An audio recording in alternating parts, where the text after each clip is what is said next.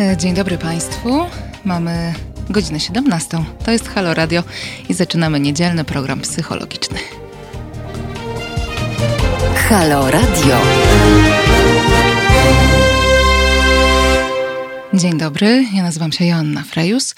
E, będziemy dzisiaj rozmawiać, proszę Państwa, na taki temat, który mam nadzieję, że nie dotyczy wielu z Państwa, ale jednak jakiejś części z nas dotyczyć może. Będziemy rozmawiać o tym, jak aktualna sytuacja może się odbić na zdrowiu psychicznym. E, czy w ogóle może? Jeżeli tak, to w jaki sposób? Jak to się może objawiać? No i co e, z takim faktem zrobić, jeżeli um, takie objawy, jakieś niepokojące, u siebie um, zobaczymy? Oczywiście mogą Państwo mm, do nas e, dzwonić i pisać. Będę bardzo rada, jeżeli Państwo będziecie dzisiaj brać aktywnie udział w tym programie. Dzwonienie może być utrudnione, ponieważ będziemy mieć za chwilę na linii specjalistkę, którą już za chwilę Państwu przedstawię, ale można cały czas pisać. Mam tutaj otwarty ekranik i widzę Państwa komentarze na YouTubie, e, więc zachęcam do mm, komunikowania się ze mną w ten sposób. Można też cały czas pisać maile na adres terasmałpa.halo.radio. Dzień dobry Państwu, dzień dobry. Macham do Państwa, macham, do tych, którzy widzą, to macham, a do całej reszty macham głosowo. E, Kuba dzisiaj nas realizuje. Kuba, czy mamy mm, naszą specjalistkę już na antenie? Mamy. Cześć Asiu. Nie mamy. Nie mamy. Ale to przynajmniej zdradziłam Państwu, jak nasza specjalistka ma na imię. To będzie Joanna Gutral, psycholożka, psychoterapeutka, doktorantka z Uniwersytetu SWPS w Warszawie.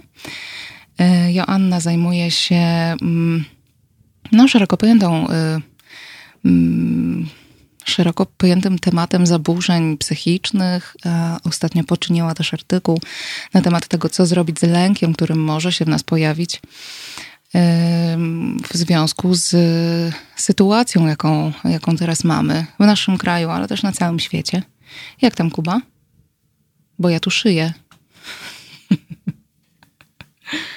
No dobrze, czekamy, czekamy w takim razie na Joannę. A teraz? O, a teraz ja słyszę. Dobra. Czy mamy to już jestem. Y, Asię na antenie, tak? Wszyscy się słyszymy. Wspaniale. Proszę Państwa, w takim razie jeszcze raz przedstawię. Joanna Gutral, psycholożka, psychoterapeutka, doktorantka Uniwersytetu SWPS w Warszawie. Cześć Asiu. Cześć, witam serdecznie. To jednak moje słuchawki zawiodły, więc e, cieszę się, że udało mi się samodzielnie rozwiązać ten problem, bo z techniką u mnie nie jest najlepiej. No, y, słuchaj, to było bardzo, bardzo szybko się zgodziłaś przyjąć zaproszenie do tego programu i y, wszystko się wydarzyło bardzo szybko, więc absolutnie y, takie zamotanie technologiczne jest jak najbardziej zrozumiałe. Dziękuję, że jesteś z nami. To może zacznijmy właśnie od tego, o czym wspomniałam przed chwilą. Czy sytuacja, w jakiej się teraz znajdujemy, znajdujemy sytuacja pandemii, czy to może budzić e, jakieś problemy związane ze zdrowiem psychicznym dla przeciętnego człowieka? Dobra, to ja zapytam Ciebie od razu, ile pandemii do tej pory przeżyłaś w swoim życiu? Ja wiedziałam, że z Tobą to nie będzie łatwo. Sama mnie zaprosiłaś, słuchaj. No tak, tak, wiedziałam, co robię, tak, no dobrze. Um, ile pandemii do tej pory? Na pewno y, kojarzę dwie. Na pewno kojarzę y, wcześniejszą pandemię SARS-u i kojarzę y, na pewno H5, H1, nie, nie, nie. Grypę. Tak. E, no dobra, ale czy pamiętasz, żeby obostrzenia były tak mocne, jak są teraz, e, że faktycznie były zamykane sklepy, szkoły, e, że wymagało to od nas wszystkich tak naprawdę wielkiej ilości wyrzeczeń, trochę zasady, które obowiązywały w świecie przed i teraz już za bardzo nie obowiązują. Pamiętasz takie zdarzenia? Hmm. Pamiętam po ataku terrorystycznym e, w, mm, na World Trade Center, to na pewno e, jakoś się odbiło. Natomiast w kontekście pandemii, um, wydaje mi się, że zazwyczaj to dotyczyło osób, które jadły mięso i one jakoś to odczuwały. Ja mięsa nie jem, więc być może dlatego mnie takie obostrzenia jakoś nigdy nie, nie dotknęły. Nie, nie pamiętam takiej sytuacji. No więc to jest naturalne, że my w obliczu takich sytuacji nowych, które są nieprzewidywalne, a ten wróg w postaci wirusa jest e, niewidzialny, nienamacalny, że my odczuwamy wzmożony lęk. E, różne mhm. osoby mają różny poziom tolerancji tego lęku i różne postawy i przekonania, które są z nim związane. Więc e, no, taka sytuacja, z którą mierzymy się obecnie, ona stwarza bardzo duże pole do. Mm, pogorszenia naszego funkcjonowania w takim trybie dziennym.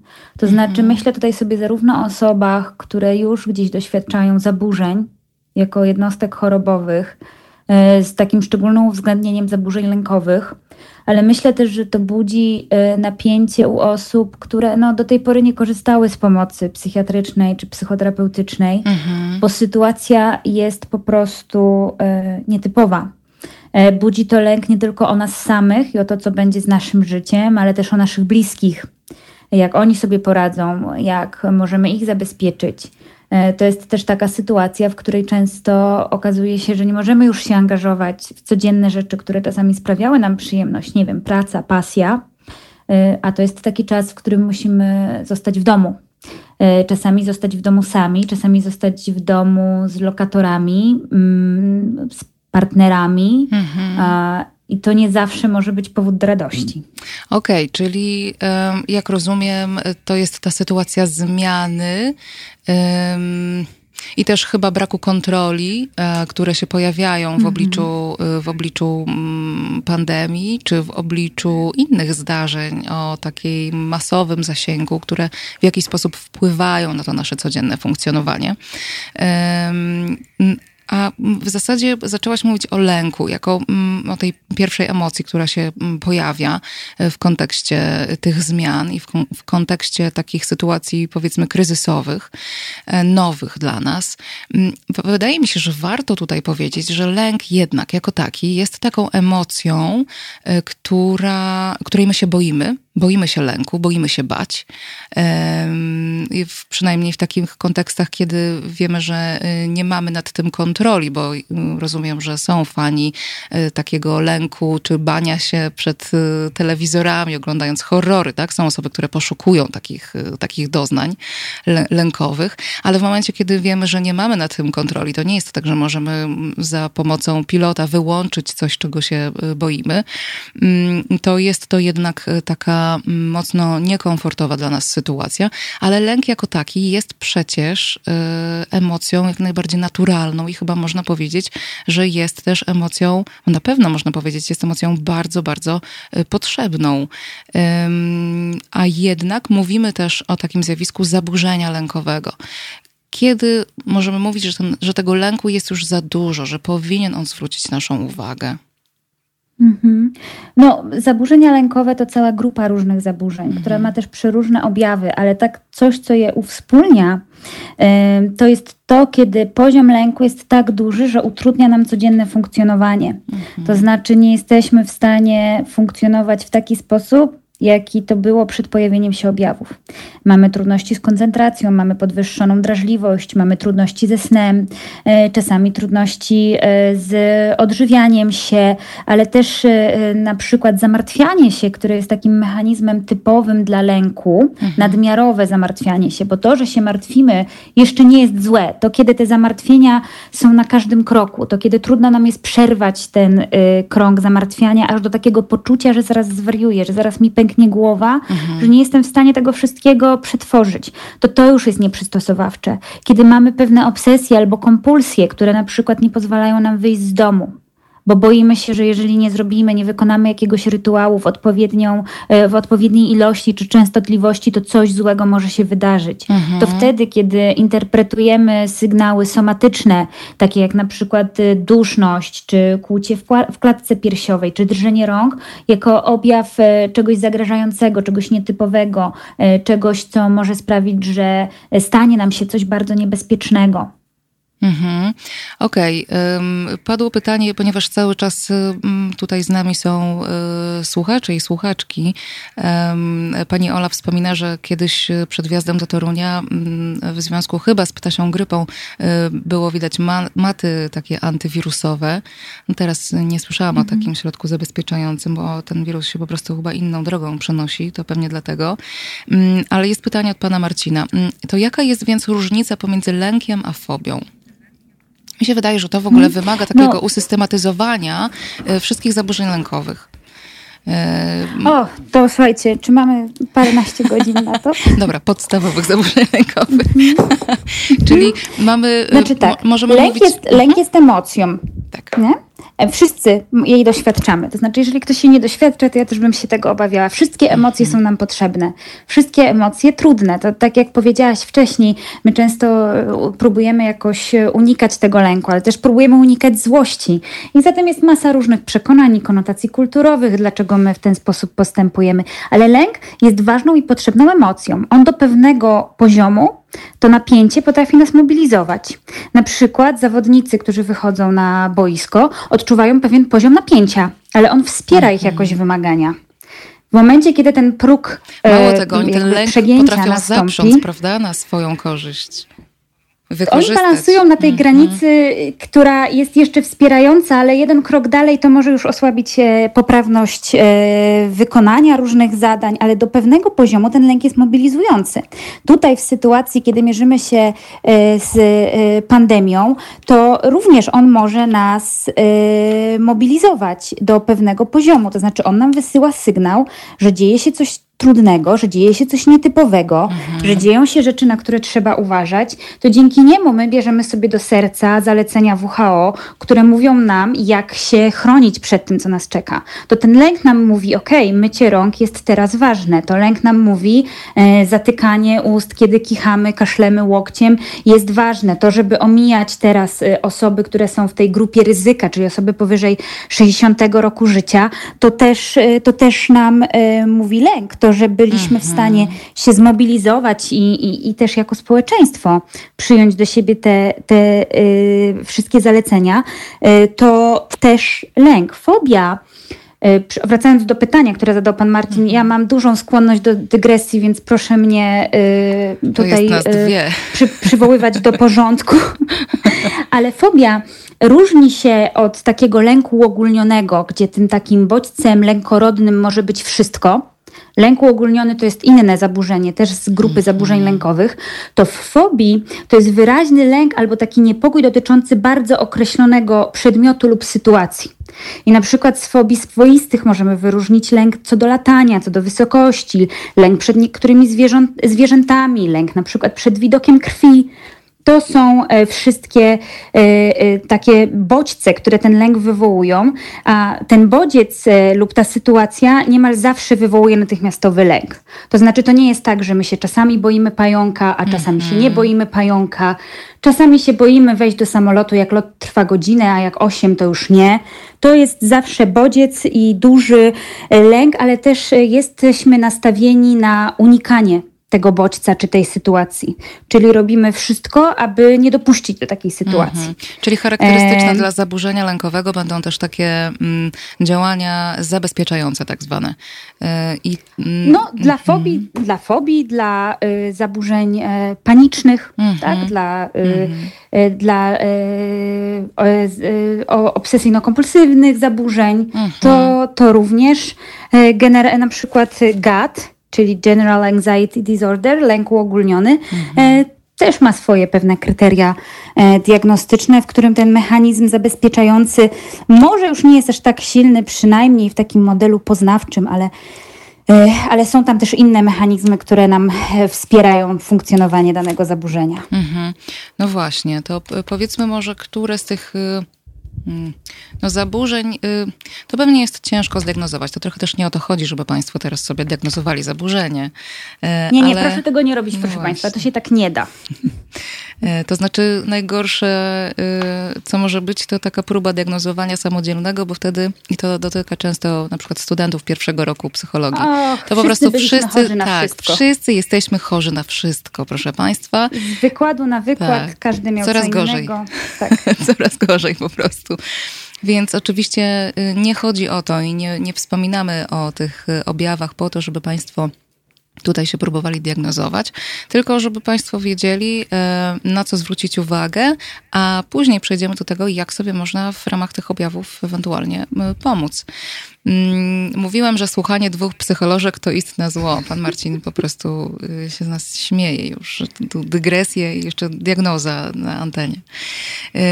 Y, dobrze, ale pan Marcin jest tutaj takim stałym słuchaczem i on zawsze tutaj trochę tak pod włos, więc, więc tak, się nie tak, przejmie. Panie Marcinie, i to nie diagnoza, a na razie tylko kryteria diagnostyczne. Diagnozować zaocznie na pewno nie będziemy. Dokładnie. E, okej, okay, no to y, czyli podsumowując, wśród zaburzeń mm, lękowych, tak zwanych. Gdybyśmy mm, chciały powiedzieć o tym, jak, y, co o tym mówi literatura, no to rzeczywiście, takie najbardziej chyba znane to zaburzenie to jest fobia. Mm, I te fobie są najróżniejsze. Mhm. Mm, kolejne takie, powiedziałabym, zaburzenie, które jest widoczne mocno dla otoczenia, to będzie zaburzenie obsesyjno-kompulsyjne, czy, y, czyli y, OCD, tak zwane. Mhm. Y, mamy też uogólnione zaburzenie lękowe, o którym już wspomniałaś i ono jest takie charakterystyczne, mm, bo to jest taki lęk wolno płynący, jak to się mówi w psychologii, czyli tutaj mhm. mamy to zamartwianie, to takie błędne koło takich myśli natrętnych na temat tego, co się może wydarzyć mm, w przyszłości. Y, mamy wśród y, zaburzeń lękowych, co jeszcze takiego? Z tych Lęk z napadami paniki. Lęk z napadami paniki, dokładnie. I wydaje mi się, że te dwie ostatnie kategorie y, są takie chyba najważniejsze, chociaż nie, fobii też wydaje mi się, że to jest, że może się ta fobia, jeżeli nie pojawić, to pogłębić w takiej sytuacji pandemii.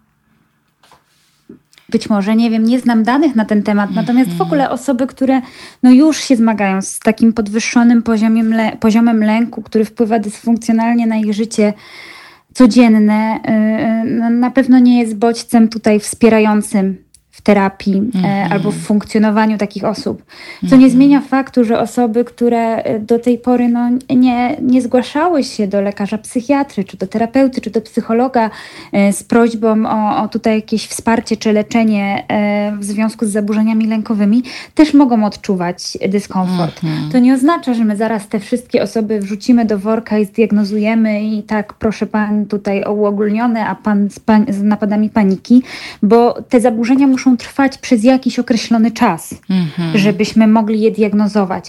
Ale proszę Państwa, no też mierzymy się teraz z sytuacją, w której ten lęk jest uzasadniony. No właśnie. To nie jest tak, że mhm. my musimy tutaj y, przestać się y, bać.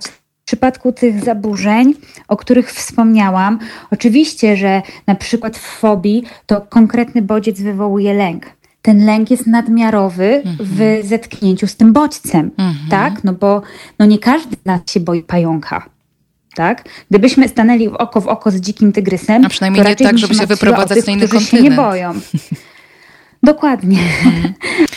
Okej, okay, no dobrze, Ale, czyli, czyli y, podsumowując. No, mhm, czyli... Tutaj mamy bodziec. Mhm. No właśnie, czyli y, właściwie powinnyśmy chyba odpowiedzieć na pytanie, y, czy to, co teraz część osób może odczuwać, to jest faktycznie lęk, czyli taki, taka obawa przed czymś, co jest właściwie mm, tylko w sferze domysłów, w sferze myśli, czy to jest bardziej strach, czyli e, taka e, obawa w odniesieniu do czegoś jednak rzeczywistego?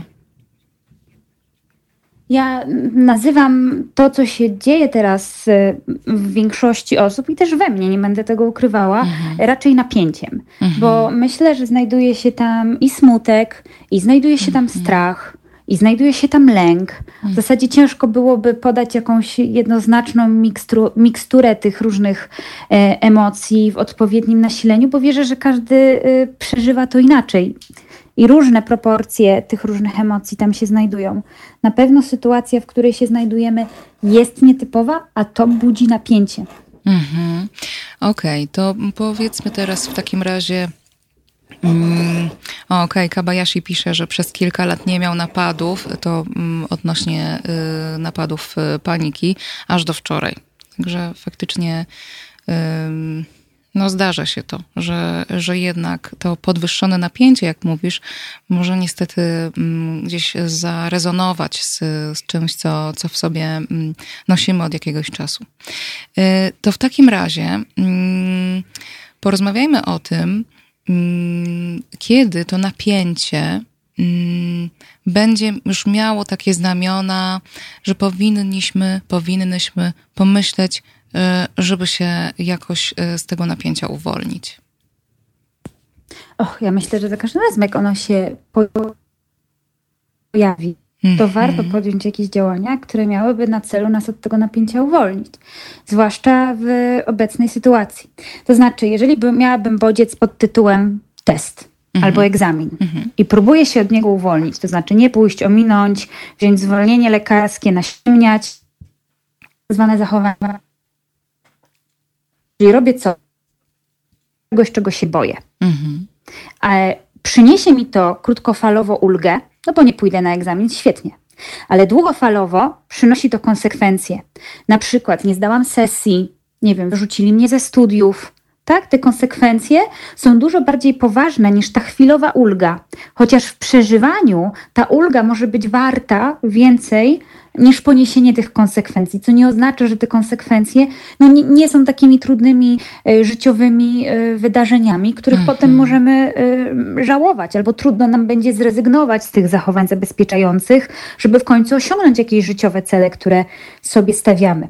W tej sytuacji, w której jesteśmy obecnie, to ja mm, uważam, i też tak twierdzą specjaliści, na przykład Robert Lichy, którego e, tam cytowałam usilnie w tekście, mhm. E, który opublikowałyśmy na serwisie Zdrowa Głowa, e, że w zasadzie my musimy zadbać trochę o ten nasz nastrój. Mhm. To znaczy, niezależnie od sytuacji, musimy wychodzić naprzód swoim potrzebom i robić różne rzeczy, aby to napięcie regulować.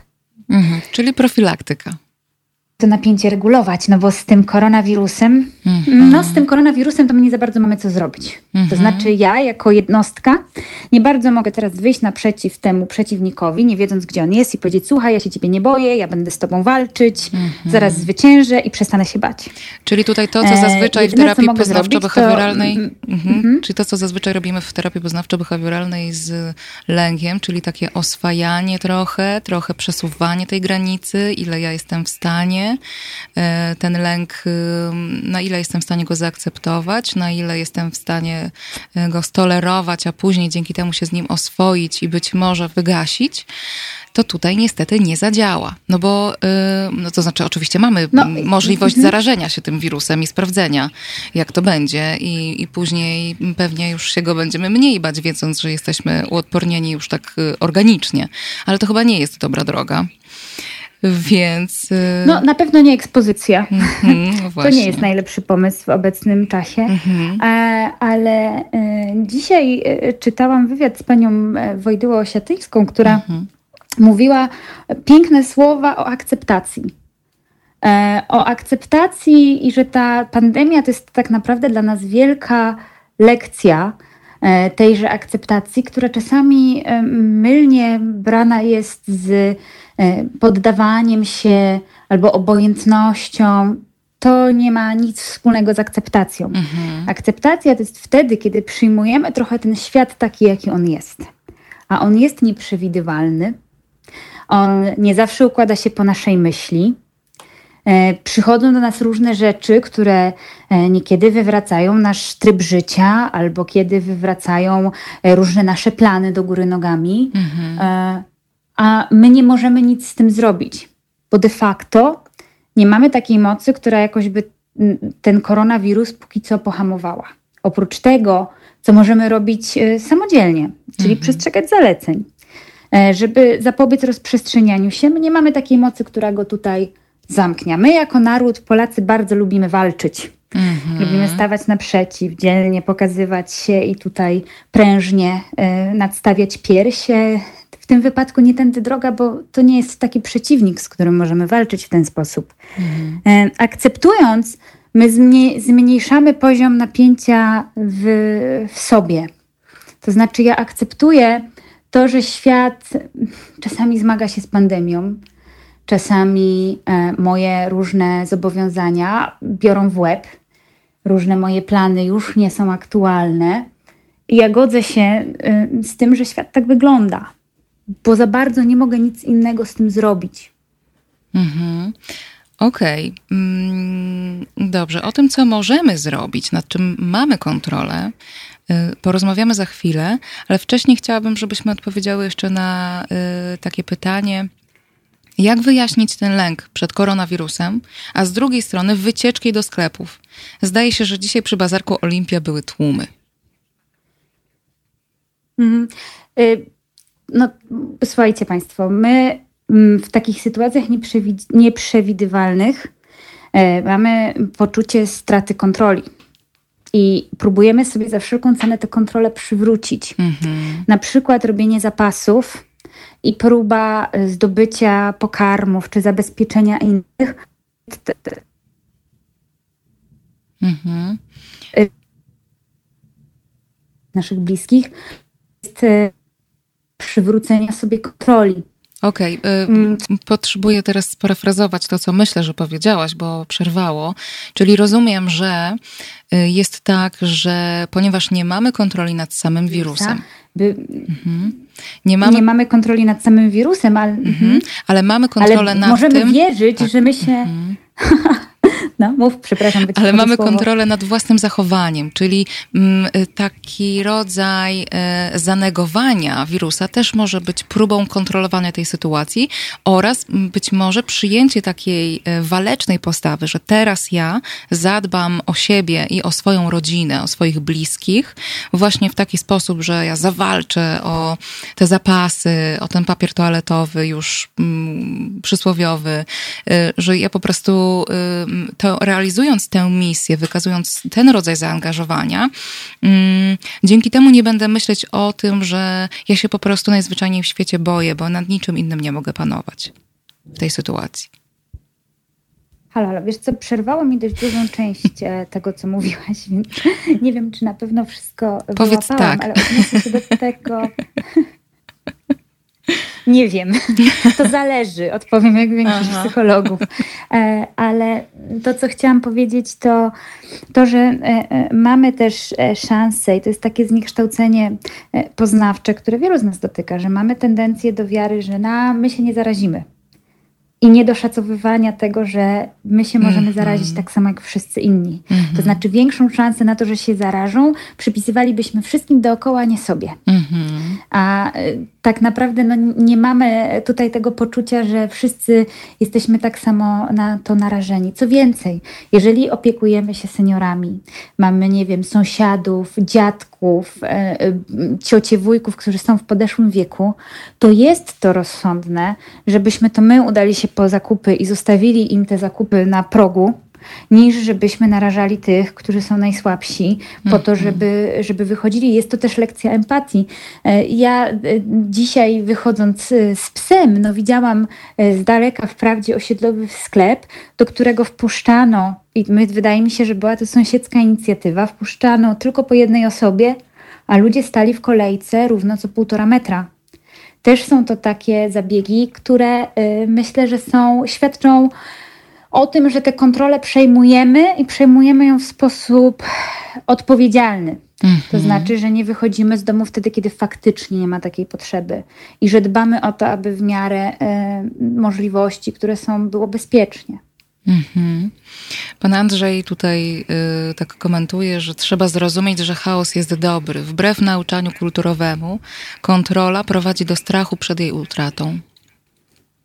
Ale my wszyscy mamy, Zgadzam się poniekąd z panem mm-hmm. Andrzejem. Mm-hmm. Myślę, że kontrola, to żebyśmy mieli taką kontrolę nad swoim życiem, to jest, e, to do pewnego momentu jest wspierające, bo ta kontrola może nam pozwalać wyznaczać cele, mm-hmm.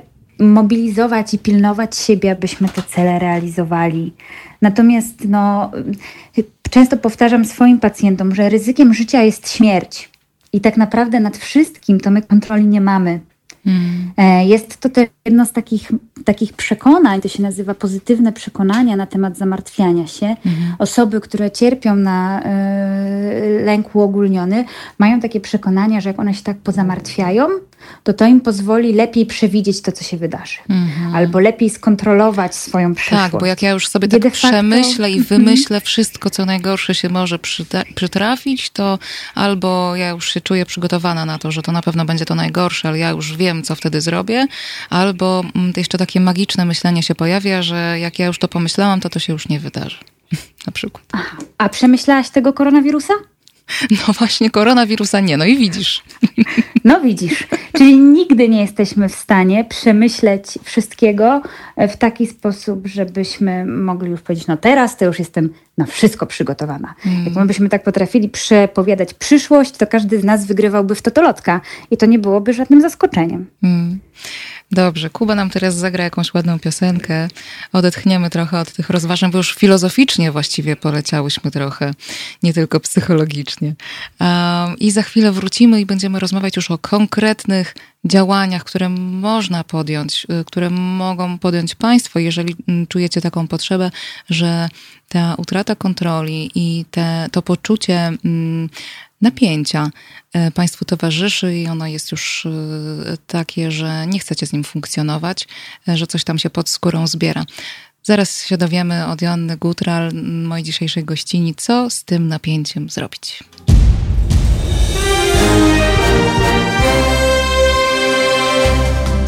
Halo Radio. Pierwsze medium obywatelskie.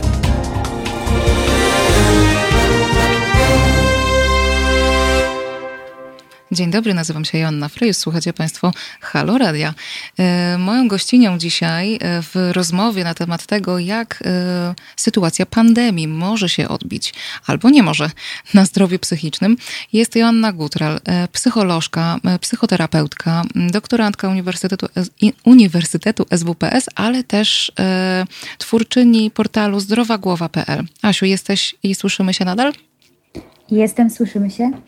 No dobrze, to w, pierwszym, w pierwszej części tego programu y, omówiłyśmy, y, co się może dziać i co może być y, niepokojące dla, y, dla wszystkich tak naprawdę y, osób, które nas słuchają. Y, czyli doszłyśmy do takiego wniosku, że mm, to, co może się dziać, to możemy jako osoby znajdujące się w Polsce, na tej planecie, no, czyli poddane takiemu y, niebezpieczeństwu zarażenia się y, y, wirusem,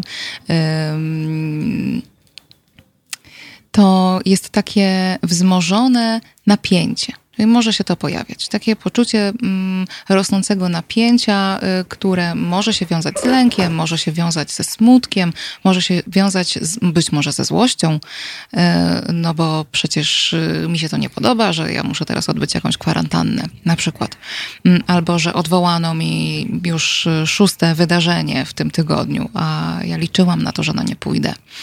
Więc to napięcie może w nas narastać. Powiedziałaś, że najlepiej jest reagować w momencie, kiedy to y, napięcie się pojawia, nie czekać, aż ono urośnie do jakiegoś ogromnego rozmiaru, mm, do y, już takiego napięcia, które mm, wytrąci nas zupełnie z równowagi i będzie nam utrudniać funkcjonowanie, albo wręcz doprowadzi do, mm, y, do wykształcenia się zaburzenia, które trzeba będzie leczyć. To teraz może przejdźmy już do konkretnych rozwiązań, do takich działań, które możemy podejmować z jednej strony na pewno prewencyjnie, żeby do takiego wzrostu napięcia nie dopuścić, a z drugiej strony, mm, co możemy zrobić e, w momencie, kiedy to napięcie już jest duże i już jest takie, że utrudnia nam funkcjonowanie. Funkcjonujemy w takim dużym e, lęku, dużym strachu, dużym napięciu. Nie słyszałam początku Twojego pytania. Mhm. Przepraszam Cię, ale to strasznie przerywa i, i czasami mam wycięte parę sekund, to więc mamy e, problemy słyszałam z tylko końcówkę Twojego pytania. Mm -hmm. Mamy problemy z połączeniem internetowym po prostu, najwyraźniej. E, przejdźmy teraz do konkretów po prostu. Co można zrobić w momencie, mhm. kiedy to napięcie jest już e, i czujemy, że ono jest zbyt duże i nie możemy mm, już dobrze funkcjonować? No to ja bym się trochę zastanowiła, to napięcie w odpowiedzi na co powstaje. Mhm. Że boję się, że świat się skończy, boję się, że że jestem zamknięta w domu, a może jest mi smutno, że jestem e, jakoś sama albo nie mogę się spotkać z osobami, które chciałabym spotkać. Mhm. Bo trochę też od tego, co na, w nas to napięcie powoduje, dokładnie jaka myśl powoduje w nas to napięcie, no to możemy podjąć szereg różnych działań. Jest w psychoterapii poznawczo-behawioralnej taka e, drabina lęku. E, mhm. To jest, czy jest, jeżeli mam jakieś zagadnienie, którym się martwię, na przykład boję się, że nie wiem, coś się wydarzy, takie pytanie z kategorii, a co jeśli, a co jeśli będzie tak, a co jeśli mi się stanie to i to, mhm. to pierwsze pytanie na szczycie tej tabeli to jest, na szczycie tej drabiny to jest, czy jest coś, co mogę z tym teraz zrobić. No i odpowiedź tak albo nie. Jeśli tak, robię to. Jeśli nie, to czy jest coś, co mogę jakoś zaplanować, żeby to zrobić później w związku z danym zmartwieniem? Znowu odpowiedź tak albo nie. Jeżeli tak, no to planuję, kiedy to zrobię. A jeżeli nie, no to nie martwię się, czyli akceptuję. Akceptuję, że są pewne rzeczy, które budzą lęk, które, y, mm, z którymi, na które nie mamy wpływu, Y, z którymi nic nie możemy zrobić e, i że taka jest rzeczywistość i rzeczywisty świat tak wygląda. Co nie oznacza, że my nie możemy szukać y, wsparcia w przeżywaniu tych emocji, bo my akceptujemy fakt, że my jako jednostki nie możemy nic z tym zrobić. Ale możemy dzielić się swoim lękiem, na przykład zatelefonować do bliskiej osoby czy do przyjaciółki i podzielić się tym. Słuchaj, strasznie się boję Boję się tego, co będzie, boję się y, o siebie, o swoich bliskich, o swoją rodzinę. E, no i tutaj, proszę Państwa, ważna przed nami lekcja empatii. Jeżeli jest ktoś, kto po słowach nie panikuj albo y, weź się w garść, albo nie złość się, przestał odczuwać to, co w danym momencie odczuwał, mhm. to zapraszam, żeby się zgłosił do mnie, bo z chęcią taką osobę poznam. To znaczy, jeżeli przychodzi do nas ktoś z telefonem i mówi, boję się, boję się tego, co się dzieje, a ktoś mówi, a przestań, weź tam mi nie panikuj, co, to mhm. wszystko będzie dobrze. To nie ma szans, żeby ta osoba poczuła się lepiej to to jest też tak, były przeprowadzane takie badania. Ja niestety mam fatalną pamięć do, do nazwisk, ale pamiętam, że mówi o tym Mateusz Banaszkiewicz w swoim wykładzie dla strefy psyche Uniwersytetu SWPS, że były mhm. prowadzone badania, w których dwie y, grupy y, mm, eksperymentalne brały udział.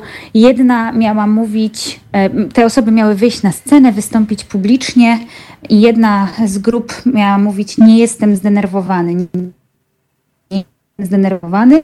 Druga grupa przed wyjściem na scenę miała za zadanie mówić: Jestem zdenerwowany, jestem zdenerwowana, a następnie sędziowie oceniali, która z tych grup wyglądała na bardziej pewną siebie, lepiej prezentowali treści na scenie, które mieli przedstawić. I faktycznie osoby, które były w zgodzie ze swoim wzbudzeniem, mm -hmm. czyli przyznawały się do tego przed sobą, że są zdenerwowane, obniżały ten poziom lęku i wyglądały też jako osoby mniej zestresowane, e, mniej, bardziej pewne siebie. Mhm. No My tak de facto mhm. powiemy, ja się boję. Mhm. Ja się boję, ja jestem zestresowana, nigdy się z tym nie mierzyłam, to już mamy szansę obniżyć swój poziom napięcia. Mhm. Czyli to jest pierwszy krok. Po prostu y, przyglądamy się tej emocji, która się w nas pojawia i próbujemy ją nazwać, no i w takim y, idealnym y, świecie ją po prostu zaakceptować. I dzięki temu, czyli tak jak to mówimy w psychologii, potraktować ją jak taką chmurę na naszym niebie, że po prostu obserwujemy ją, jak przepływa.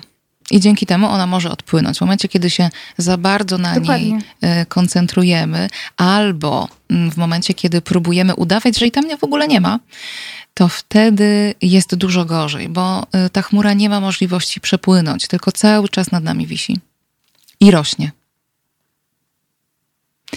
Yy, Okej. Okay. Yy, mamy tutaj yy, komentarz, tylko potrzebuję się tutaj przesunąć wśród komentarzy innych państwa.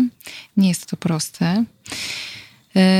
jeden z naszych słuchaczy pisze: Ja muszę chodzić do pracy, do miejsca, w którym się znajduje 200 osób chorych psychicznie i starszych, plus personel, i trzeba nimi się zająć. Na samą myśl, że mam tam wrócić, mam totalną panikę. Ja oczywiście nie będę tutaj spekulować, czy ta panika wynika z faktu tego, że się znajdujemy w sytuacji y, pandemii, czy mm, po prostu y, ta panika jest bez względu na to, y, jak, jaki, mamy, jaki mamy moment, że tak powiem, w dziejach. Mm, czy możemy coś poradzić? Takiej osobie, która, no bo oczywiście jest nas bardzo dużo. Osób, które, y, okej, okay, mamy y, ogłoszone, no jest akcja zostań w domu i oczywiście dużo się mówi o tym, że nie musisz, to nie wychodź, ale przecież jest mnóstwo osób, które funkcjonują y, jednak tak, że muszą rano pójść do pracy. I często w tej pracy spotykają się z setkami osób co możemy im powiedzieć, jak one mogą z tym swoim dyskomfortem y, pracować, funkcjonować? Ja bym przede wszystkim bardzo chciała uważnić rolę i pracę wszystkich tych osób, które nie mogą zostać w domu albo które pracują w służbie zdrowia, czy w ratownictwie medycznym, czy w opiece nad pacjentami, czy psychiatrycznymi, czy geriatrycznymi, e, które nie mają tak naprawdę wyjścia. One do tej pracy e, idą i rozumiem, że pojawia się lęk zarówno o, o, o siebie i o swoje zdrowie i bezpieczeństwo, jak i lęk o, o zarażenie e, innych osób i, i mhm. wirusa w takie środowisko, e, które nie jest do tego przystosowane. Ja mhm. sobie myślę, że to, co może dla siebie zrobić taka osoba, to, e, to o siebie zadbać po pracy. To znaczy zrobić coś, co mogłoby to napięcie obniżyć, a to może być powrót do pasji, do czegoś, co nam sprawiało e, przyjemność. To może być spacer, oczywiście w jakimś odludnionym miejscu, w którym nie mamy za bardzo możliwości spotkać zbyt dużej ilości osób, ale parki przy odpowiednim zabezpieczeniu, braku kontaktów jeszcze są miejscem, w którym możemy być. E, czy to jest spacer z psem, czy to jest przygotowanie sobie jakiejś długiej e, kąpieli, to jest coś, czy telefon do przyjaciółki, mhm. czy planszówka z rodziną, jeżeli mieszkamy z osobami e, nam e, e bliskimi. To jest taki czas, w którym jest możliwość oderwania tej tak siebie poznawczo, czyli myślowo od tej sytuacji, z którą mierzymy się na co dzień. Jeżeli to napięcie rozładujemy, na przykład przez angażowanie się w czynności, które sprawiają nam przyjemność, albo przez aktywność sportową, przez prawidłowe obniżanie,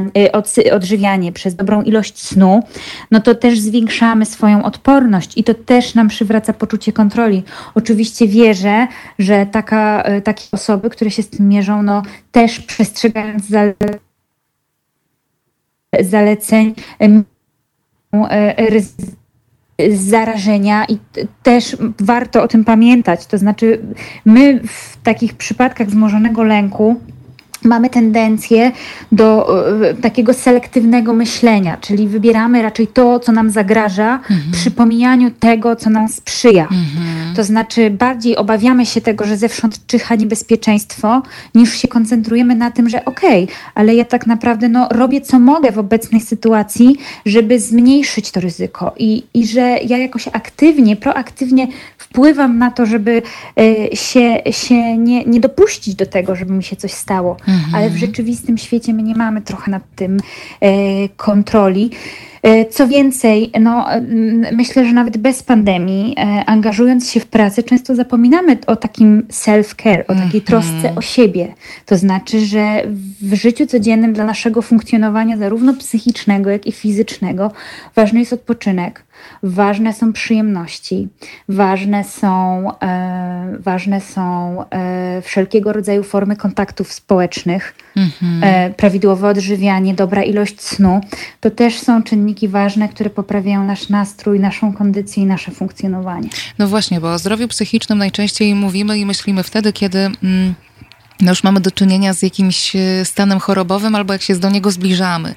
Natomiast bardzo mało e, z mm, jakiegoś powodu mm, mówimy o tej e, stronie profilaktyki, która jest ekstremalnie ważna, e, czyli właśnie mm, to, o czym ty mówisz, ja, ja to nazywam takim przesuwaniem szali na stronę pozytywną, czyli e, w momencie, kiedy mhm. wiemy, no że funkcjonuje... psychologia mhm. pozytywna. No dokładnie, czyli w momencie, kiedy wiemy, że funkcjonujemy w takiej sytuacji, kiedy mamy sporo stresu, kiedy mm, mamy dużo obciążeń i takich psychicznych, ale też fizycznych, to wtedy szczególnie powinniśmy zacząć dbać o to, żeby tę szalę trochę mm, przechylać na pozytywną stronę. I ja sobie zdaję doskonale sprawę z tego. Państwo tutaj piszecie, że to jest mega trudne, że, że wcielenie y, w życie tych słów jest, jest bardzo trudne.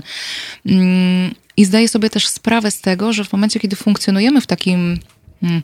Już można powiedzieć e, wypaleniu, odnosząc to do sytuacji pracy na przykład, albo już właśnie takim, w takim wysokim napięciu, e, które jest trudne mm, do zniesienia, to, e, to, że w takiej chwili stwierdzenie, o dobrze, to ja sobie teraz usiądę i ułożę puzzle i to mnie zrelaksuje, nie? może być po prostu abstrakcyjne. Ale doświadczenie też pokazuje, że nawet jeżeli zaczniemy takie, mm, tak takie działania bez przekonania, to one po jakimś czasie mogą przynieść e, ten skutek. I jednak po jakimś czasie nasz umysł się postanowi przełączyć e, w ten tryb e, takiego niemyślenia, niezamartwiania się. I to mm, napięcie powinno powoli zacząć opadać. No, co więcej, zaczniemy też doceniać te drobne akty, które serwujemy sobie różnych przyjemności. Mhm. Ja wiem, pamiętam żywo jeszcze zanim rozpoczęłam e, studia i szkolenie, wydałam się, udałam się na, na pierwszą moją psychoterapię i kiedy tutaj terapeutka próbowała mnie przekonać do różnych e, zabiegów, to się zastanawiałam, która z nas faktycznie bardziej tej pomocy potrzebuje, bo niestworzone rzeczy ta kobieta wygaduje. Natomiast proszę Państwa, ja sobie zdaję doskonale sprawę z tego, że ciężko jest to wdrożyć, że mhm. trudno jest e, zacząć że żyjemy w jakimś systemie myślenia, znaczeń, rytuałów dnia codziennego przez ileś lat, więc wdrażanie nowych rozwiązań też wymaga czasu. To jest proces. To jest proces, w którym będziemy popełniać błędy, w którym będziemy się zamartwiać przez cztery dni, żeby piątego dnia nam się przypomniało, że przecież mieliśmy też dać sobie trochę troski i wytchnienia. To, co hmm. jest bardzo fajną metodą, którą często też y, polecam y, swoim pacjentom, a którą opisał wspomniany już Robert Lichy w książce Lekarstwo na zmartwienia, to jest taki czas na zamartwianie się. Mhm. To znaczy, jeżeli mam taką tendencję do tego, żeby codziennie się zamartwiać i ja czuję, że ta moja głowa to już pęka od tego, że ja się boję iść jutro do pracy, bo wszystkie te rzeczy, o które się zamartwiam, tam właśnie czekają, to mówimy swoim myślom i zmartwieniom, dobra, to ja się zamartwiam codziennie od godziny 15 do 15.30. To trochę tak, jakbyśmy szli na wizytę do lekarza. Jak idziemy na, na wizytę do lekarza, to ten le lekarz jest dla nas przez te pół godziny, do dentysty, tak? Godzina, na tą i na tą. Jak idziemy na terapię, proszę, 50 minut, to jest Pana czas. Tak samo Państwa zmartwienia mają te swoje 30 minut. I one się oczywiście pojawiają w różnych porach dnia i nocy. E, warto je wówczas spisywać. Okej, okay, ja się nimi zajmę w czasie ich wizyty czasie na zamartwianie się, czyli od tej przykładowej 15 do 15.30. I zobaczycie Państwo, że odkładając te zmartwienia i wracając do nich w czasie tych wizyty, część z nich nie będzie już aktualna. To znaczy, że one stracą na swojej mocy stracą na tej mocy y, takiej lękorodnej, które, które nas podsycają. Że odłożenie ich sprawi, że na przykład część z naszych lęków to już się w ogóle zde, zdezaktualizowała, ale gdybyśmy się w nich zanurzyli, to one jak taka, taki y, trzygłowy potwór, tak? Jak odetniemy jedną głowę, to wyrosną trzy kolejne. W momencie, mm. kiedy je odkładamy na później, to mamy szansę y, to rozmnażanie tego lęku nieco powstrzymać. No tak, coś w tym jest, że jakby powód do zamartwiania się znajdzie się zawsze. W sytuacji lękowej nie można odczuwać przyjemności. Nie da się po prostu pstryk i przełączyć na kilka godzin w tryb relaksu. Drobne przyjemności można odczuwać dopiero po zaspokojeniu podstawowych potrzeb życiowych, a potrzeba bezpieczeństwa jest najważniejsza. Ja tak sobie myślałam, że to sformułowanie, że, że mamy robić przyjemne rzeczy, to może być e, dla Państwa kontrowersyjne. E, okej, okay, zaczęłabym od spokoju w takim razie. od takiego y, dążenia do tego, żeby się uspokoić. Nawet bym zaczęła od rzeczy jeszcze bardziej podstawowej, od oddechu. Co ty na to, Asiu? Jestem za. Y, jest to doskonała technika na to, żeby trochę się zatrzymać i pobyć tu i teraz. Mhm. Kiedy się zamartwiamy, kiedy odczuwamy lęk, to nasze zamartwienie jest A, nie wiem, jak tu teraz odszyfrować to, co powiedziałaś. Kuba też mówiła, że nie wie, także nie pomoże. E, Okej, okay. E, czyli e, domyślam się, że e, Asia... teraz. O, jesteś. A, słyszysz mnie? O, tak. coś nam przerywa to jakiś czas. Mm-hmm. Mówiłam, że to zamartwianie jest głównie nakierowane na przyszłość i ono y, tutaj jakby generuje, zapędza nas dalej. Natomiast kiedy na chwilę usiądziemy i skupimy się tylko na oddechu, jaki on jest, jaką ma temperaturę, jakie jest jego tempo. Spróbujemy głęboko nabrać powietrze nosem i wypuścić je ustami. A po jakiejś chwili możemy dodać sobie takie drobne wizualizacje, na przykład z wdechem wyobrażać sobie odpływ fali, a z wydechem jej przypływ. Mhm. To jesteśmy w stanie pobyć tu i teraz, wyrównać oddech, wyrównać nasze ciśnienie, tętno i pobyć tam, gdzie jesteśmy faktycznie, a nie w tych lękach, zmartwieniach. I to już jest dobry, dobry początek. No i jeszcze y, można też zastosować y, izolację, tak jak tutaj y, doktor Żądło pisze. Przede wszystkim ograniczyć do minimum oglądanie i słuchanie programów informacyjnych, portali internetowych, które bombardują nas newsami i fake newsami. Czyli taka izolacja nie tylko społeczna, ale też powiedziałabym medialna.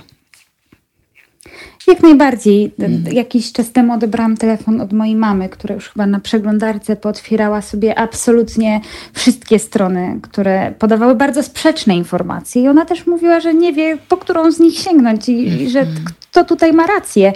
Y, uwielbiam googlować, uwielbiam zagłębiać się z jednej strony na drugą, natomiast tych informacji jest bardzo dużo. W internecie każdy ma możliwość tworzenia jakichś treści jeżeli już mamy taką konieczność do tego, żeby sprawdzać, to wybierzmy trzy serwisy czy strony, y, którym ufamy, które dzielą się rzetelną wiedzą. Nie wiem, polecam To Tylko Teoria, polecam Crazy Nauka, polecam Kasię Gandor, no przede wszystkim y, WHO i Główny Inspektorat Sanitarny. Mhm. Tam znajdziemy najważniejsze i naj, naj, najbardziej prawdziwe informacje oparte y, o nauce i sprawdzajmy tylko te.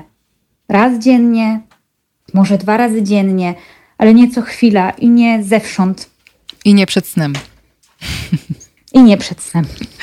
Okej. Okay. Pan Marcin poleca też e, zajęcia z jogi, które odprężają i nie są w, i wcale nie są tylko dla kobiet. No pewnie, że nie są. W dodatku mamy Oczywiście, teraz w dodatku mamy teraz e, tylko wielki e, wysyp darmowych lekcji jogi, więc wcale nie trzeba też wychodzić z domu, żeby trochę popróbować, jeżeli państwo jeszcze nie próbowaliście. I kto wie, może się państwo wciągniecie, a od strony naukowej jest bardzo, bardzo dużo doniesień mnóstwo badań traktujących o tym, że yoga faktycznie wpływa na obniżenie napięcia, obniżenie stresu, że wpływa dobroczynnie na to funkcjonowanie również poznawcze, mm, więc wydaje się, że warto spróbować. Czyli y, reasumując, y, mm, nie słuchamy mm, nadmiarowo y, wiadomości. Jeżeli informacji zewsząd, wybieramy sobie jedno, dwa źródła, które faktycznie, które, którym ufamy i wybieramy sobie jakąś porę dnia, kiedy sobie aktualizujemy stan wiedzy, jeżeli czujemy taką potrzebę, a poza tym nie zaglądamy.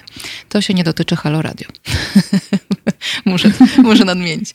Um, jeżeli odczuwamy, że napięcie w nas wzrasta, że się w ogóle pojawia, to bardzo dbamy o to, żeby to napięcie regulować. Czyli ani mu nie zaprzeczać, ani nie udawać, że, mm, że ono nic nie znaczy, tylko regulować poprzez takie działania, które nas mają szansę od odprężyć, które kiedyś były przyjemne, więc być może i teraz mogłyby jakąś przyjemność przynieść, a jeżeli nie przyjemność, to przynajmniej najmniej uspokojenie, przekierowanie myśli w inną stronę niż zamartwianie się. Włączamy Proszę też... Państwa, na pewno mhm. są tysiące filmów i książek, których nigdy nie mieliście czasu przeczytać ani obejrzeć. To jest właśnie ten moment, w którym otwieramy swoje biblioteki, odpalamy Netflixa i wszystkie mhm. inne serwisy i w końcu mamy czas nadrabiać. Ja sobie myślę, że też trochę od tego, jakie znaczenie nadamy temu, e, co się dzieje, czyli temu, jak, jaki jest czas, że nie, nie pomyślimy o nim w kategoriach straty, czyli izolacji, ograniczeń, a właśnie trochę szansy. Szansy na to, żeby się przyjrzeć swoim relacjom, żeby zadbać o psa, z którym nie miałam czasu się bawić, albo uczyć go jakichś różnych komend, albo nie wiem, nie miałam czasu porozmawiać z przyjaciółmi przez telefon, czy połączyć się z nimi, nie miałam czasu przeczytać książek, porobić na drutach. To teraz jest ten czas, w którym mam, mam szansę to wszystko zrobić. Ja muszę tutaj stanąć też y, po stronie rodziców małych dzieci, bo my naprawdę, to nie jest dla nas czas na czytanie książek, ale to jest czas na dużo, no, dużo zabawy. Klub czytelnika, każdy po swoją książkę i jest piękna zabawa. Okej, okay, no dobrze. Asiu, bardzo Ci dziękuję. Joanna Gutrel, psycholożka, psychoterapeutka, doktorantka Uniwersytetu SWPS i twórczyni portalu zdrowagłowa.pl, który bardzo serdecznie Państwu również polecam. Bardzo dużo tam wspierających treści dla siebie e, znajdziecie. E, za chwilę. Dziękuję bardzo serdecznie, dziękuję za zaproszenie i dziękuję za możliwość bycia z Państwem. Dziękuję. Kuba zagra za chwilę ładną piosenkę i słyszymy się już za chwilę z kolejną gościnią.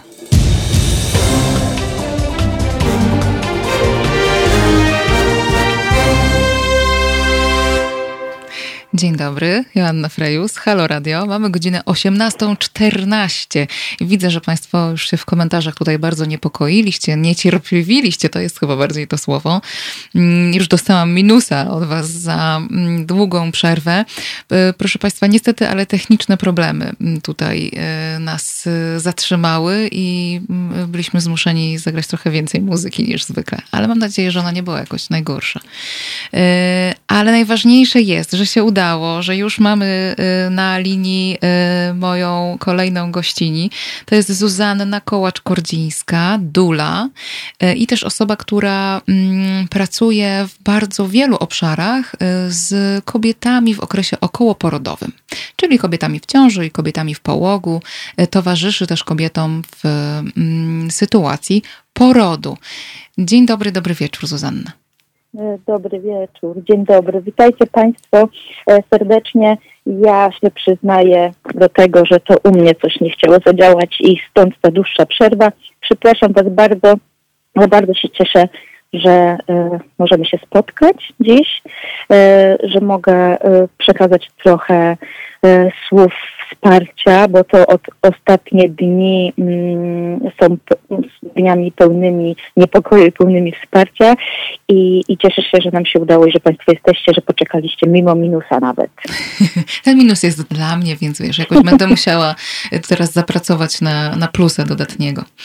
E, okej, okay. tutaj już e, Państwo wymyślili, że po prostu przedłużamy audycję o te minuty. Nie, niestety, proszę Państwa, e, ja bym bardzo chciała, ale to tak tutaj nie działa. Jest kolejka chętnych osób do spotkania z Państwem. Kobiety i technika. Panie Marcinie, bardzo proszę nie być seksistą i, i mizoginem przy okazji. To tutaj realizatorem jest Kuba, on nie jest kobietą. Póki co. Nic mi na ten temat nie wiadomo. Nie w każdym razie nie definiuje się jako kobieta. Okej. Okay. A sprzęty lubią nawalać i robić psikusy wszystkim. Dokładnie. Dobrze. No to w takim razie e, zacznijmy od tego, e, kim w ogóle jest Dula. A i chciałabym jeszcze też szybciutko, zanim e, nam wyjaśnisz, kim jest Dula, mhm. to chciałabym powiedzieć, że ta część programu wcale nie jest tylko dla kobiet, bo będziemy, proszę Państwa, rozmawiać o tym, jak wspierać w aktualnej sytuacji kobiety w ciąży, e, mamy małych dzieci, e, ale wbrew pozorom e, to jest nie tylko sprawa kobiet, bo przecież panowie również mogą być w sytuacji, w której będą chcieli taką osobę w swoim otoczeniu mm, wesprzeć. Dobrze, Zuzanna, kim jest Dula? Właśnie, nawet więcej e, mogłabym powiedzieć, bo w tej definicji e, słowa dula jest to, że Dula jest kobietą e, doświadczoną, wykształconą, doświadczoną również w swoim macierzyństwie, która wspiera w okresie kołoporodowym, czyli w ciąży, w porodzie i w połogu, kobiety, ale także z rozszerzeniem na ich rodziny, co oznacza, że Dula jest wsparciem e, informacyjnym, czyli udziela informacji, przekazuje wiedzę, zawsze zgodną z najnowszymi wytycznymi medycznymi, zawsze aktualną, e, najbardziej, aktu najbardziej aktualną, jaką może tylko e, posiadać i bardzo obiektywną, czyli nie e, dzieli się swoimi opiniami, a rzeczywiście przekazuje informacje, które mogą być przydatne kobiecie, jej partnerowi, jej rodzinie. E, udziela także wsparcia emocjonalnego, to, tutaj bardzo szeroko moglibyśmy o tym mówić, e, ale pewnie Państwo sami dobrze wiecie, czym to wsparcie emocjonalne dla kobiety jest. Zawsze jest pod ręką, żeby porozmawiać, żeby rozwiać wątpliwości, żeby wesprzeć, żeby pocieszyć, żeby w tym czasie już samego porodu być blisko i e, trzymać za rękę, e, przypominać o tym, co ważne, mm, głaskać, słowami, ale również tak zupełnie w kontakcie fizycznym. I tutaj e, tak naprawdę oprócz tego, że wspierać emocjonalnie można kobietę, to także my Dule bardzo często wspieramy mężczyzn, czy jesteśmy razem taką trójką, która ze sobą współpracuje. E, to wsparcie udzielane przez Dule jest też wsparciem takim mocno fizycznym, e, jeśli chodzi o sam poród szczególnie, to znaczy pomagamy w radzeniu sobie z, z bólem porodowym, który się pojawia w pewnym momencie, może się pojawić. E, pomagamy, żeby kobieta czuła się lepiej, żeby czuła się e, bezpiecznie, e, żeby czuła się królową tego mm, w czasie tego wydarzenia, żeby wiedziała, że jest otoczona osobami, które ją wspierają i są po jej stronie Mm-hmm. Bardzo długa lista no, kompetencji, muszę przyznać. Myślałam, że psycholog ma najdłuższą, ale Dula wygląda na to, że wygrywa w tej, tak, w tej zwłaszcza, że rzeczywiście e, już coraz częściej wiemy o tym, że Dula jest osobą, która wspiera podczas porodu, natomiast tak naprawdę poród to jest tylko wycinek tej rzeczywistości. Bardzo dużo wsparcia, które Dula oferuje, to jest to, co dzieje się przed porodem, czyli właśnie w ciąży i w połogu. Mhm. To jest to, o czym my mówimy jako o ciągłości wsparcia. To jest bardzo ważne. Mhm. I popatrzcie, w tej chwili, w takiej sytuacji, jaką teraz mamy, niepewności, tak naprawdę tu nie chodzi tylko o to, że e, kobieta nie może, czy dula nie może pójść z kobietą do porodu, ale to jest tak naprawdę, w tej chwili my pracujemy kobietami, które będą rodzić za jakiś czas, nawet za 2-3 miesiące, ale w tej chwili poczuły się e, zaniepokojone sytuacją, albo no są tuż po porodzie mm-hmm. i, i, i, i, są w domu, są w domu z maluchem e, i nagle czują się, mogą czuć się niepewne czy samotne, co teraz się wydarzy. No Także właśnie i dlatego, tak, dlatego postanowiłam zaprosić Cię do dzisiejszego programu, bo mm, chciałam porozmawiać o tej szczególnej grupie mm, osób zagrożonych y, takimi mm, no, skutkami emocjonalnymi aktualnej mhm, sytuacji, mhm. czyli właśnie z myślą o kobietach, które są aktualnie w ciąży, które spodziewają się dziecka, które szykują się do porodu i niestety po popraw mnie, jeśli się mylę, ale z tego co wiem, aktualne informacje są takie, że y, wiele mm, oddziałów położniczych zakazało w tej chwili porodów z osobą towarzyszącą. Y, okej, okay, ja może bym powiedziała to troszeczkę inaczej. Być może mhm. nawet to są już wszystkie oddziały, też nie mam do końca takiej wiedzy, ale rzeczywiście mhm. jest tak, że w tej chwili porody rodzinne są wstrzymane. Nie ma takiej możliwości, żeby porody rodzinne się odbywały. Mhm. I rozumiem, że porody Celowo... z dulą też w związku z tym nie, nie wchodzą w grę. Oczywiście, mhm. że tak. To jest e, tak. E, kobieta nie może mieć przy sobie osoby bliskiej, która by mogła ją wspierać. Mhm. Natomiast e, ja celowo nie użyłam słowa zakazane, tak jak ty powiedziałaś, mhm. ponieważ to rodzi bardzo silne negatywne konotacje. Mhm. I to jest bardzo ważne, żeby w tej sytuacji, która jest trudna i to jest oczywiste, mm, pamiętać o pewnych rzeczach, czy przypomnieć sobie pewne rzeczy. I pierwszą z tych rzeczy jest to, że poród bez partnera nie oznacza porodu samotnego. Mhm. To nie jest tak, że kobieta będzie sama, ponieważ w szpitalach mamy wspaniały personel medyczny, mamy wspaniałe położne. One też znalazły się w tej wyjątkowej sytuacji i proszę popatrzeć, my nadal, tak naprawdę wciąż w szpitalach rodzą kobiety bez osoby towarzyszącej. Mhm. I położne są po to, żeby te kobiety wspierać. I, i, i, i piękna rzecz się wydarzyła w ostatnich dniach, mm, gdy ja właśnie rozmawiałam z położnymi na temat y, takiej akcji, żeby przekazały słowa wsparcia kobietom, które w takim najbliższym czasie mają rodzić, to nagle okazało się, że na przykład Stowarzyszenie Dobrze Urodzeni mm, zaczął nagrywać filmiki z mm -hmm. słowami wsparcia. U nas też, na przykład u nas, y, myślę o Trójmieście, bo pochodzę z Trójmiasta, y, w jednym ze szpitali został nagrany film wspierający, to rzeczywiście położne w szpitalach czekają są i będą. I one na pewno zrobią wszystko, żeby kobieta czuła się jak najmniej osamotniona w tym czasie. I to jest mhm. jedna ważna sprawa. I o tym jest warto pamiętać, bo to po prostu nie jest tak, że nagle kobieta jest zupełnie sama. No tak, dokładnie. Mhm. To, to, to, to, na pewno nie u mnie.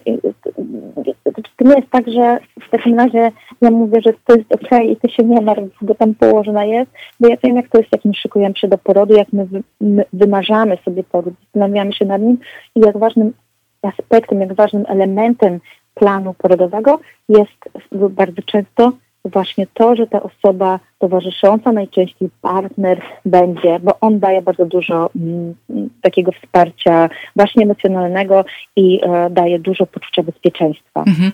No właśnie, to z jednej strony może budzić taki niepokój e, kobiet, które szykują się do porodu, ale z drugiej strony może też budzić jakieś poczucie straty czy niemożności u mężczyzn e, bądź innych osób, które miały towarzyszyć w tym porodzie, a jednak nie będą mogły. To prawda. I mhm. cieszę się, że o tym mówisz, bo rzeczywiście to tak jest, że no, to nie tylko kobiety mierzą się z tą sytuacją, ale również ich partnerzy, którzy także jeśli przygotowywali się do tego, że będą razem, po prostu w tym wydarzeniu nie będą mogli wziąć udziału. No i co za tym idzie, nie zobaczą tak szybko swojego e, dziecka, mhm. E, jak mogliby e, przed sytuacją e, zamknięcia tej możliwości mm, porodów rodzinnych. Mhm. Gdy moja żona, mhm, gdy mhm. moja żona była w ciąży, potrzebowała od samego początku wsparcia, gdyż była przerażona. Nie potrafiłem na początku jej tego dać, przyszło z czasem, pisze pan Marcin, bo musisz wiedzieć, że oczywiście są z nami e, słuchacze i słuchaczki, którzy są bardzo aktywni w komentarzach między innymi na YouTubie i, i na Facebooku. Zapraszam Państwa do dalszego komentowania. Można też pisać do mnie na adres teraz małpa Halo Radio. Dzwonić nie można, bo mamy Zuzę na antenie, ale to wyjątkowo y, w tym, w tym programie tak jest.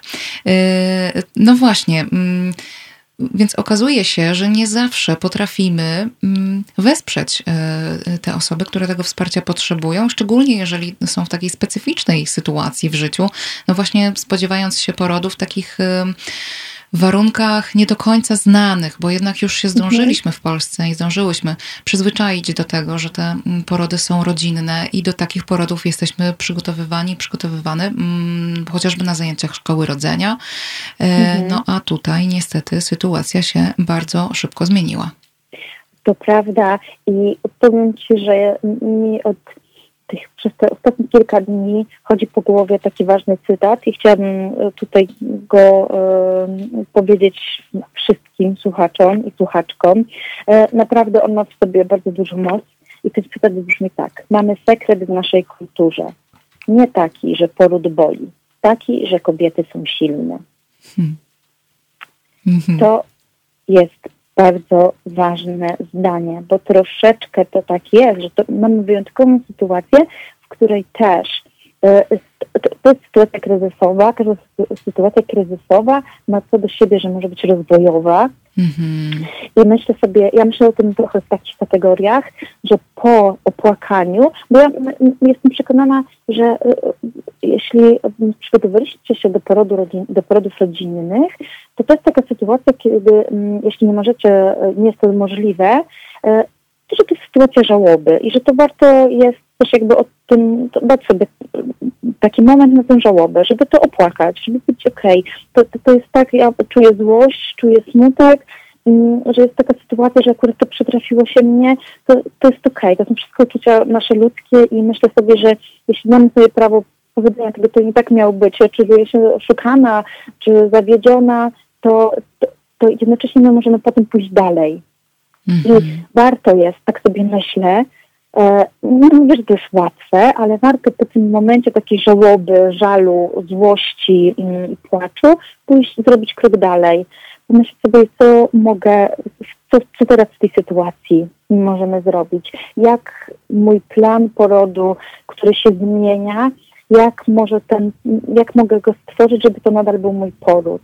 I, i w tej sytuacji kryzysowej e, dla mnie, tą sytuacją rozwojową, może być właśnie ten fakt, że my się zwrócimy ku, ku mm, wierzyć w tą naszą kobiecą moc. Bo mhm. w, w pewnym momencie porody, które stały się bardzo takimi medycznymi e, zjawiskami, one mm, trochę jakby z naszych rąk e, zostały zabrane mhm. i, i, i rodzimy w szpitalach, rodzimy wśród aparatury, um, otaczamy się wieloma elementami, które są które czujemy, że są nam potrzebne, ale też bardzo wiele tych elementów, e, tak myślę sobie, że troszeczkę nam narzuciła e, kultura, kultura, która właśnie odebrała kobietom porody. No właśnie też wydaje mi się, że to jest jakoś e, też istotne, że mm, kiedyś poród był jednak taką sytuacją bardzo kobiecą, to znaczy mm, odbywał się w kręgu kobiet i dopiero ta medykalizacja przywiodła mężczyzn do tych tak. sal, w których kobiety tak, rodziły. E, I właściwie no, oczywiście lekarze nadal, e, położnicy mogą się pojawiać, prawda, na salach porodowych, mhm. ale wydaje mi się, że ten, ten moment w 呃嗯 kryzysu, w którym y, mm, partnerzy nie są wpuszczani na salę porodową, jest też paradoksalnie taką sytuacją, w której poród został oddany właśnie w ręce kobiet, bo teraz oto na sali porodowej będzie się znajdować y, kobieta, kobieta rodząca i położne y, i ma to szansę też stać się takim trochę bardziej doświadczeniem no, mocy kobiet w sumie, tak jak, tak. tak jak mówisz. Mhm. Tak, ja tak to mocno czuję i w mhm. ogóle jestem daleko od tego, żeby z kolei nawiązywać do tego, że o, nasze mamy, nasze babcie rodziły same i to było mhm. okej, okay, więc ty też urodzisz. No my jesteśmy w zupełnie innym momencie, mm. e, w zupełnie innym świecie żyjemy i, i, i na pewno nie, nie można tak tego porównywać, że kiedyś właśnie o tak było i teraz nie płaczcie, bo, bo, bo tak, płaczcie, jeśli macie na to ochotę, -hmm. ale potem pomyślcie o tym, że właśnie tak naprawdę y, do urodzenia dziecka potrzebna jest kobieta. Mhm. To, to, największe, to największe źródło mocy jest w kobiecie, mhm. jest w was.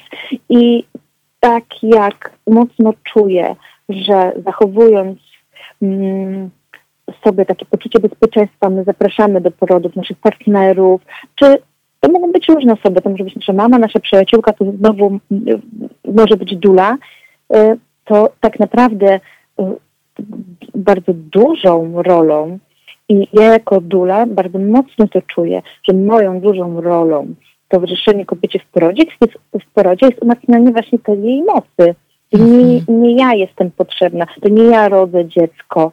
Ja jestem elementem wsparcia, natomiast główną y, tutaj królową y, na y, sali porodowej jest właśnie kobieta. I myślę sobie, że, że warto jest wrócić do takich myśli i do takiego przekonania, ja mam tę moc, e, jestem częścią łańcucha. Dla mnie to jest niesamowite, gdy myślę o tym właśnie, że, że tak naprawdę jesteśmy częścią łańcucha tych kobiet, które były przed nami i rodziły, i tych kobiet, które są przed nami i będą rodziły w przyszłości. My jesteśmy tym e, łańcuchem, tym mm, Jakoś połączone po prostu. Tak jest, mm, tak jest. Mm, tym elementem życia, dawania życia. I, i, I warto jest o tym w tej sytuacji myśleć. Mm -hmm. Jestem o tym przekonana. Tak ładnie mówisz o tym, że Dula to nie jest ktoś, kto mm, w kim ta moc się generuje i kto tę moc ma dawać, mhm. tylko wspierać tę moc, która jest w kobiecie. Mm, bardzo podobnie myślę o, o terapii, o psychoterapii, o spotkaniach z psychologiem, mhm. że specjalista nie jest od tego, żeby jakoś wytyczać ścieżkę, czy mówić, co jest, e, mm, co jest e, w danej chwili dla kogo dobre, tylko raczej towarzyszyć w tym mhm. odkrywaniu mhm. przez tę mhm. osobę, która po tę pomoc sięga.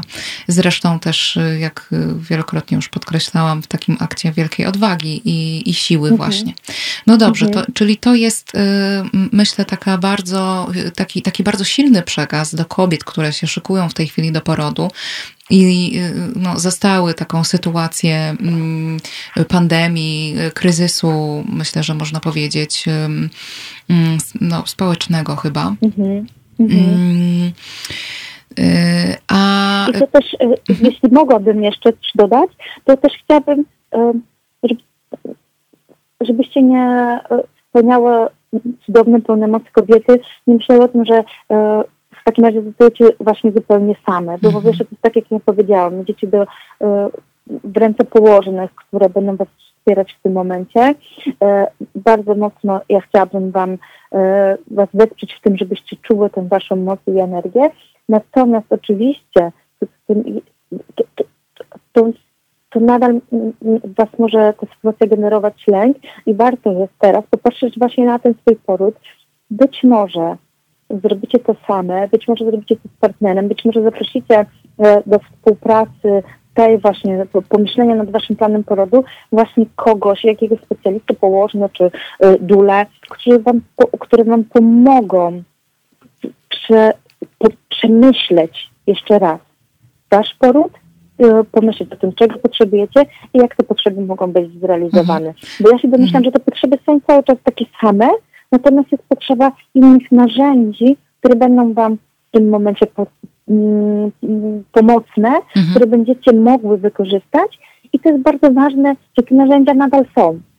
Okej, okay, czyli trochę wracamy do tego, o czym mówiłyśmy z Asią Gutral w pierwszej części mm, dzisiejszego spotkania, czyli w momencie, kiedy odczuwamy napięcie, pojawia się lęk, e, zaczynamy się zamartwiać o to, co się może wydarzyć, e, to najlepiej jest poszukać, e, po pierwsze sprawdzić, o co chodzi, czego, co to jest za obawa, mhm. przed czym jest ta obawa, a po drugie poszukać takich elementów, które ja mogę kontrolować, czyli ten wspomniany plan porodu, który, który się stwarza, Y, który się pisze przed y, porodem. Y, mhm. Okej, okay, on pewnie zakładał poród rodzinny jeszcze dwa tygodnie temu, ale teraz warto nad nim usiąść i stworzyć alternatywny plan i znowu z taką myślą, z takim elastycznym podejściem do tego, że znowu może się coś wydarzyć, znowu to się może jakoś zmienić, ale dzięki temu, że ja zmienię ten plan porodu, dopuszczę do siebie jakieś inne możliwości, jakieś inne zdarzenia, które, których wcześniej nie miałam e, jakoś e,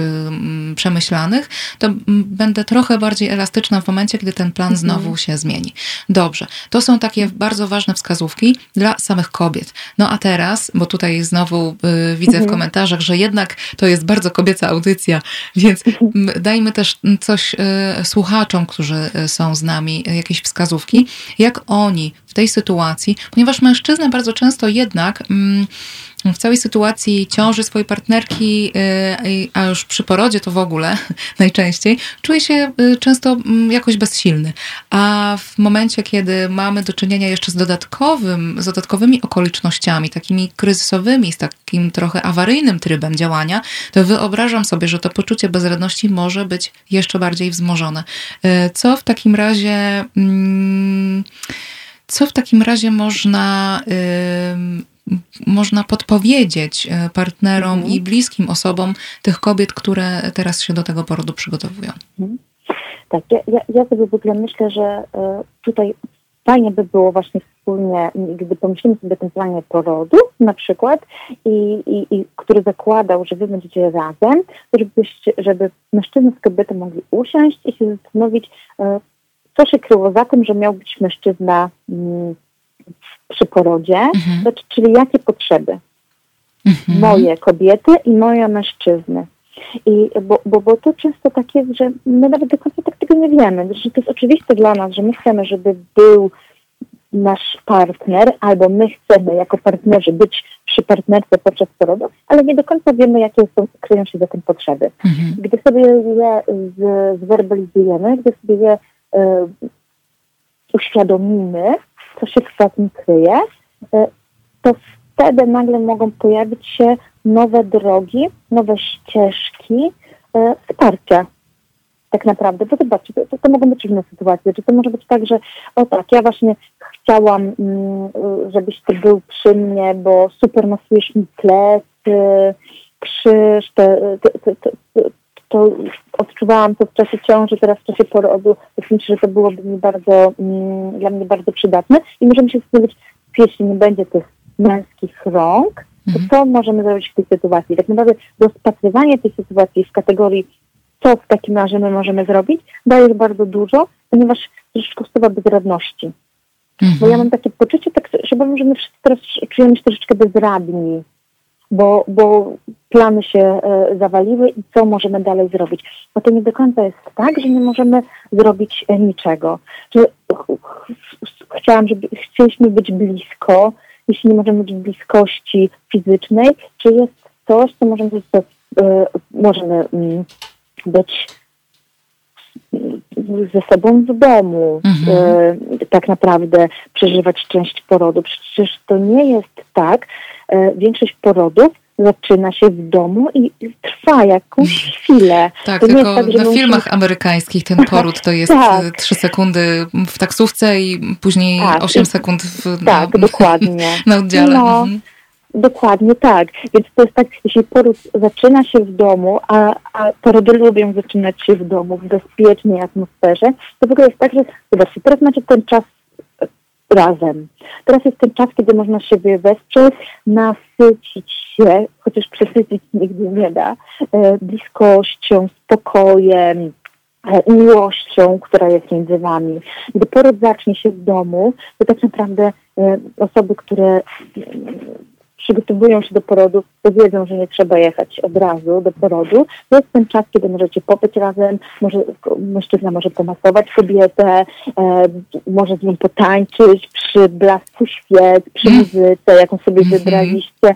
Wszystko jest ten element, który my możemy przeżyć w domu. -hmm. Oczywiście e, ja zachęcam do tego, jeśli nie przygotowujecie się do porodów domowych, żeby może z kolei nie, nie czekać zupełnie do ostatniej chwili, żeby bezpiecznie do, do szpitala dojechać, ale żeby dać sobie ten moment przeżycia tego porodu e, razem, razem w domu. Okej, okay, dobrze. Mhm. Zuza, bo teraz e, skoncentrowałyśmy się mocno na, okay. temacie porodu, no bo jakby mm, ja też rozumiem, prowadząc grupy wsparcia, też mm, okay. wiem to z doświadczenia, że to jest ten moment taki, mhm. który budzi największy mm, lęk. Ale y, lęk czy obawy, albo emocje w ogóle. E, ale chciałabym, żebyśmy też powiedziały parę słów do e, tych kobiet, które są w ciąży i jeszcze być może nie szykują się wprost do porodu, mhm. ale są w ciąży i odczuwają czują duże napięcie związane z tym, że funkcjonują w takim stanie e, podwyższonej gotowości, w stanie zagrożenia. Mhm. Co one mogą zrobić, żeby się poczuć lepiej e, w, mm, no w takim kontekście też dbałości e, czy mm, hmm, mhm. powiedziałabym kontaktu z własnym dzieckiem. Mhm. Jak, jak mogą funkcjonować w tej zmienionej nieco rzeczywistości aktualnie? Tak naprawdę ta ta sytuacja, w której się w tej chwili znaleźliśmy, to być może jest troszeczkę większą, większym odpowiednikiem każdej sytuacji stresującej. Mhm. A tak naprawdę każdy z nas jakieś sytuacje stresowe przeżywa. I, I jestem święcie przekonana, że każdy z nas ma w sobie narzędzia, które pomagają w sytuacji stresowej sobie poradzić. Mhm. I e, problemem jest to, że gdy się pojawia aż tak stresująca sytuacja, aż tak duża sytuacja, to my troszeczkę zapominamy o tym. Czy pojawia się duży poziom lęku, który sprawia, że, że troszeczkę odcinamy być może od naszych mm, umiejętności, od naszego takiego myślenia, okej, okay, przecież ja wiem, ja umiem. Pierwsze co, to ja bym bardzo zachęciła, naprawdę zachęciłabym, bo to się przyda też w porodzie, żeby spokojnie usiąść i skupić się na własnym oddechu, mhm. skupić się na własnym ciele, e, pomyśleć, poczuć to ciało, pomyśleć, gdzie czuję napięcie, e, skąd to napięcie płynie, co mogę zrobić, żeby się rozluźnić, co mi daje e, ukojenie, co mi Mhm. daje rozluźnienie. To wszystko tak naprawdę, to, to, to są różnego rodzaju ćwiczenia rozluźniające, relaksacyjne.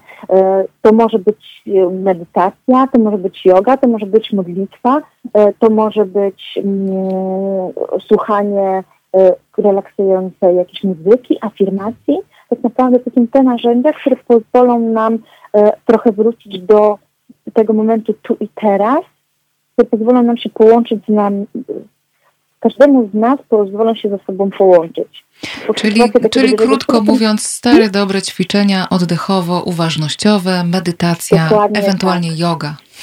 Dok- Dokładnie tak. Mhm. Ka- każdy z nas ma swoją drogę i każdy z nas ma swoją Mhm. drogę, kto, kto, to, co mu pomaga. Dlatego ja mówię o wielu tych elementach, Tak. bo tak naprawdę e, wierzę, że to jest troszeczkę tak, jakbyśmy, jeśli jesteśmy w panice, to czasami potrzebujemy, żeby ktoś nas wziął za ramiona, Mhm. trochę nas potrząsnął czy ocucił, gdy, gdy my staniemy i zaczynamy oddychać, to zaczyna y, wracać nasza zdolność funkcjonowania. Tak naprawdę. Ja mocno wierzę w to, że właśnie, jeśli my sobie usiądziemy, okej, teraz czuję się bardzo, mm, bardzo zestresowana. Ja, ja, ja przeżywam to samo. Ja w ostatnich dni są pewne tak naprawdę stresy, bo dużo się pojawiło emocji bardzo Mhm. e, osób, k- które, które w tym czasie wspieram. I rzeczywiście to jest tak, że trzeba czasami sobie usiąść, wziąć te trzy głębokie oddechy, Mhm. wypuścić powietrze i wrócić, e, wrócić do siebie. Mhm. Tak Zuza, naprawdę. a jeszcze No? a propos y, tego wsparcia, o którym mówisz, y, wiem, Mhm. że stowarzyszenie, do którego y, należysz, stowarzyszenie y, Dula w Polsce. Dula w Polsce e, uruchomiło, albo inaczej informuje, że jest grupa Was, które Mhm. m, e, z- m, jakby macie zgodę na to, żeby udzielać wsparcia telefonicznego bądź w, poprzez inne formy e, kontaktu zdalnego osobom, które tego wsparcia m, potrzebują, kobietom e, w ciąży, kobietom w okresie okołoporodowym. Czy mogłabyś powiedzieć, jak można się skontaktować z Tobą albo z innymi dulami, które są gotowe tę pomoc nieść, po to, żeby mm, być może osoby, które nas słuchają i same są w takiej sytuacji albo znają kogoś, kto chciałby skorzystać z takiego Mhm. wsparcia, mm, wiedziały, gdzie Ciebie i y, mm, y, pozostałe dziewczyny ze stowarzyszenia znaleźć. Jasne, oczywiście. To jest bardzo ważne, że wsparcie, nawet przeprowadzanie ćwiczeń właśnie tych relaksacyjnych, rozluźniających, oddechowych, czy um, ćwiczeń z zakresu głębokiego relaksu, czyli tak zwanego hipnoporodu, czym ja na przykład też się zajmuję, y, jest możliwe mm, przez właśnie za pośrednictwem e, tych nowych technologii. E, mamy mm, różnego rodzaju możliwości łączenia się również wideo, co Mhm. myślę sobie, że jest ważne, aczkolwiek każda kobieta może wybrać, czy chce po prostu porozmawiać przez telefon, czy chce e, się połączyć właśnie, mm, żeby mieć nie tylko, żeby nie tylko słyszeć dula, ale też żeby się z nią widzieć. No to gdzie Was znaleźć? Tak, także bardzo mocno zapraszam na stronę Stowarzyszenia Dula w Polsce. E, Tam jest lista dól, które udzielają takiego wsparcia. Okej, I- Czyli- Jest, mamy, e, jest tam podział na województwa, ale też tak naprawdę ja ostatnio rozmawiałam z na przykład kobietą przygotowującą się do porodu w Warszawie, więc tak naprawdę nie ogranicza nas e, tutaj teren. mhm. Co najwyżej możliwości technologii, na przykład gdy się nie da połączyć, ale na szczęście to tylko z, tobą dzisiaj miałam takie problemy. To, to żeby nie było, że to tak, technologie. Ale to, tak jest, ale tak naprawdę Stowarzyszenie Dula w Polsce, Mhm. Dula pisane przez D-O-U, Tak, mhm. w taki sposób.